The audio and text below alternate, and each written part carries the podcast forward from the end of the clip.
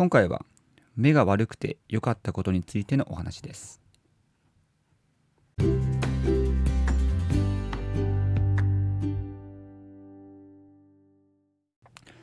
皆さんこんばんは。ヒロトのフラット独り言、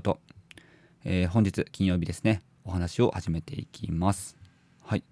えー、今は台風が近づいているということで、まあ、今日はもう神奈川の方はもうすごい雨が降ってて、えー、なかなか、うんまあ、気分がどんよりした一日だったんですけども、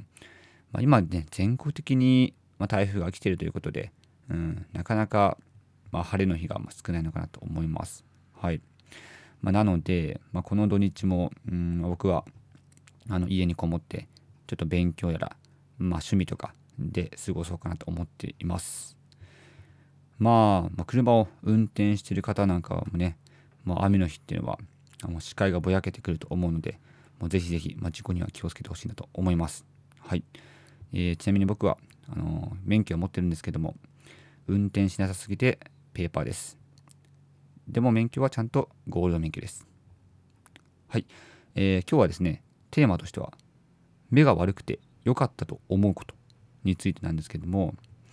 まあ、基本的には目はいいに越したことはないと思います。はい。まあ僕もですね、本当にもう小学生ぐらいの時は、もう視力がどれぐらいかな、1.2とか1.5ぐらいはあって、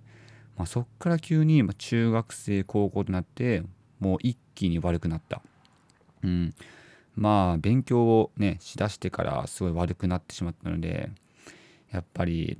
ね、目ってのは酷使するからこそ、うんまあ、それこそ今だと、スマートフォンとか、あとパソコンとかに向かっている時間が多いと思うので、うんまあ、どうしても目っていうのは、まあ、使いすぎがちですよね。はい。まあ、そんな感じなんですけども、ま、なので、まあ、今は目が悪いからこそ、基本的にはま、会社だとあのコンタクトをしていてで家ではまメガネにするっていうまあ二刀流で、はい、あの日々過ごしてるわけです。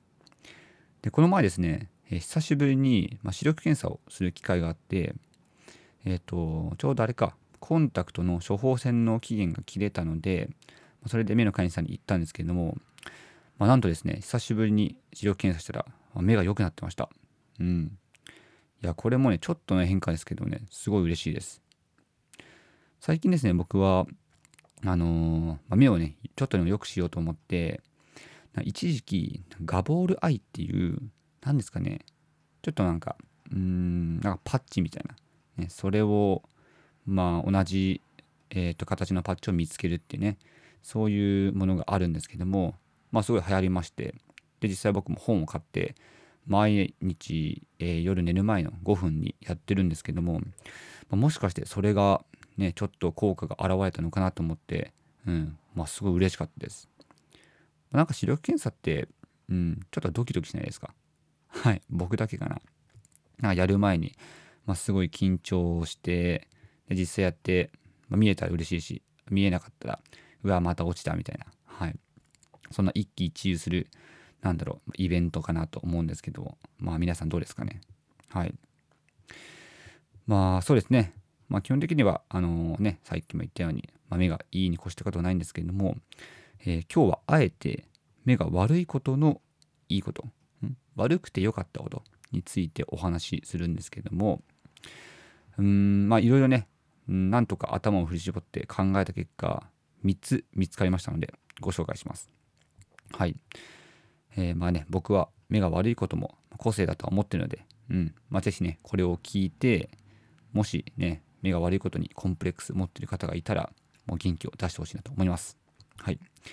えっ、ー、と、まあ、目が悪くて良かったこと、まず1つ目ですね。1つ目は、まあ、すぐ寝られることです。はい。えー、特に、まメガネを取った後なんですけども、まあ、基本的に、まあ、メガネとかコンタクト、まあ、してる時はね、わからないんですけども、それを外して、まあ、裸眼になった時ですね。うん、そういう時って、ま、非常に目を、うん、酷使してるなってことはわかるんですよ。うんまあ、これは本当にもうメガネを使ってる、うん、人だからこそわかることだと思うんですけども、うん、なんかね、うん、意外と目って疲れやすいんだなっていうのがすごい思うので、でその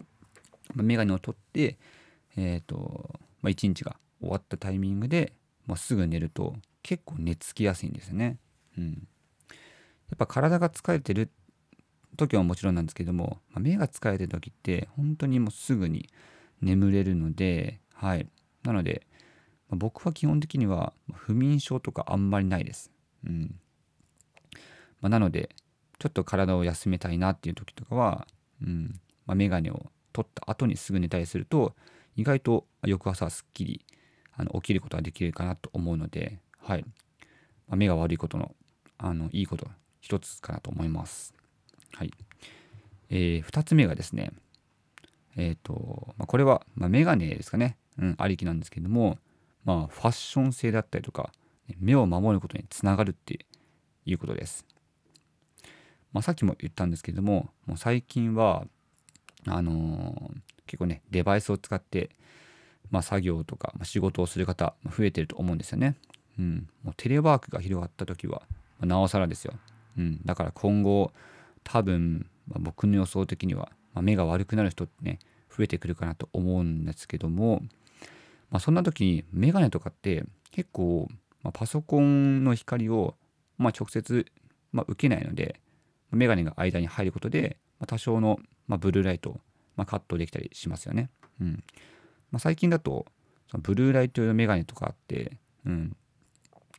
まあ、すごいね、えーと、ブルーライトの、まあ、30%をカットできたりとか20%カットできたりとか。はい。僕はちなみに20%のもの持ってるんですけどもって言ったように、まあ、メガネはあの目を守る、まあ、効果があるのかなと思います。はい。まあなのでそういった意味でもすごい役立ちますしあとは、まあ、メガネってね一種のファッションにもなりますよねうん、結構、まあ、縁に色がついてるメガネであったりとかすると、うん、なんかおしゃれじゃないですか。でそのメガネも活かして、まあ、服も、ま決めたりすると、うん、メガネありきであのファッションも楽しむことができるので、うんまそれは目が悪いからこその、ま特権かなと思います。はい。まあ、もちろんね、目が悪い人の中でも、まあ、メガネがあんまり好きじゃなくて、基本的にはコンタクトだけっていう方いると思うんですけども、まあ、うんまあ、そういう人も含めて、意外とメガネを使ったコーディネートって、いろいろあるかなと思うんで、そういうの調べるのも、まあ、楽しいですよね。はい。まあ、特にこれから、ま、冬になってくるので、もうね、冬にセーターと、セーターを着て、メガネをする。うん、もうすごいね、包容力も出ますし、あとは、ま知的な雰囲気も出るので、もうね、いろいろとまあ、人からの評価は、うん、いいと思います。はい。まあ、個人的な意見です。まあ、そんな感じでファッション性にもま優れていますよということと、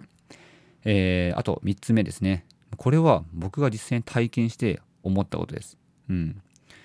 あの今日もね、この目が悪くて良かったと思うことを配信しようと思ったきっかけもこれです。はい。で、何かっていうと、まあ、汚いところがはっきりとわからないことですね。はい。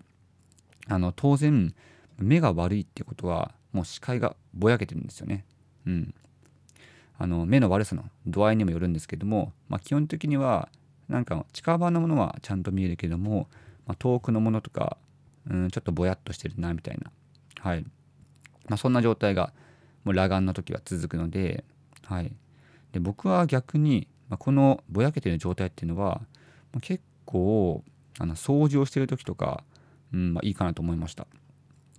ま、特に水回りを掃除してる時。はい。で水回りってうんま基本的にま汚いじゃないですか。なんか、ま、もし、あのー、今食事中の方いたら、ま、申し訳ないんですけどもうんまカビが生えてたりとかあとは何ですかね。ちょっとねいろいろ、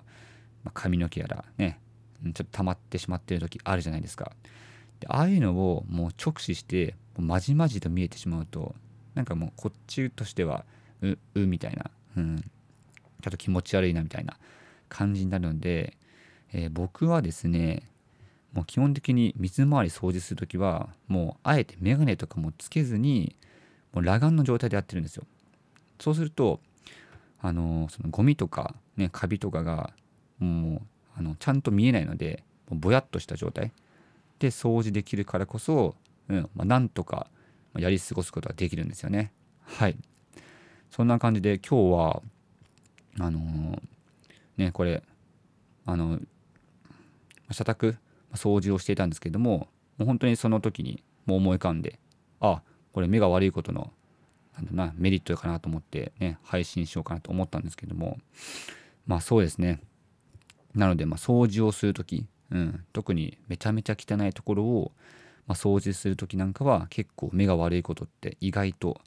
ま、役に立ったり、ま、するんじゃないかと思います。はい。えーとねこんな感じで3つですね。まあすぐ寝られること。あとはファッション性そして、ま、目を守ることにつながる。あとは、まあ、汚いところがはっきりと分かんない、まあ、特に掃除の時。っていうように、まあ、意外と、あのー、考えてみたら目が悪いことのメリットって多いなと思いました。はい。まあね、実際もっと考えればいろいろあるとは思うんですけども、まあ、掃除で言えるのは、うん、まあ、全然、まあ、目が悪くても大丈夫ですよと。はい。まあ、僕はさっきも言ったように、まあ、一種の個性だと捉えているので、はい。なので、まあ、無理に目を良くしようとね、せず、うんまあ、それよりもちゃんと、まあ、自分の目に合った、ま、処方ですね、まあ、メガネをするなり、うん、ちゃんと正しい度数の、ま、コンタクトをつけるなり、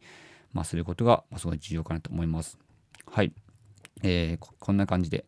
今日はあえて、えー、目が悪くて良かったと思うことについてお話をさせてもらいました。えー、いかがだった、いかがだったでしょうかまた明日も元気に配信していきますので、えー、よろしくお願いします。それでは、バイバイ。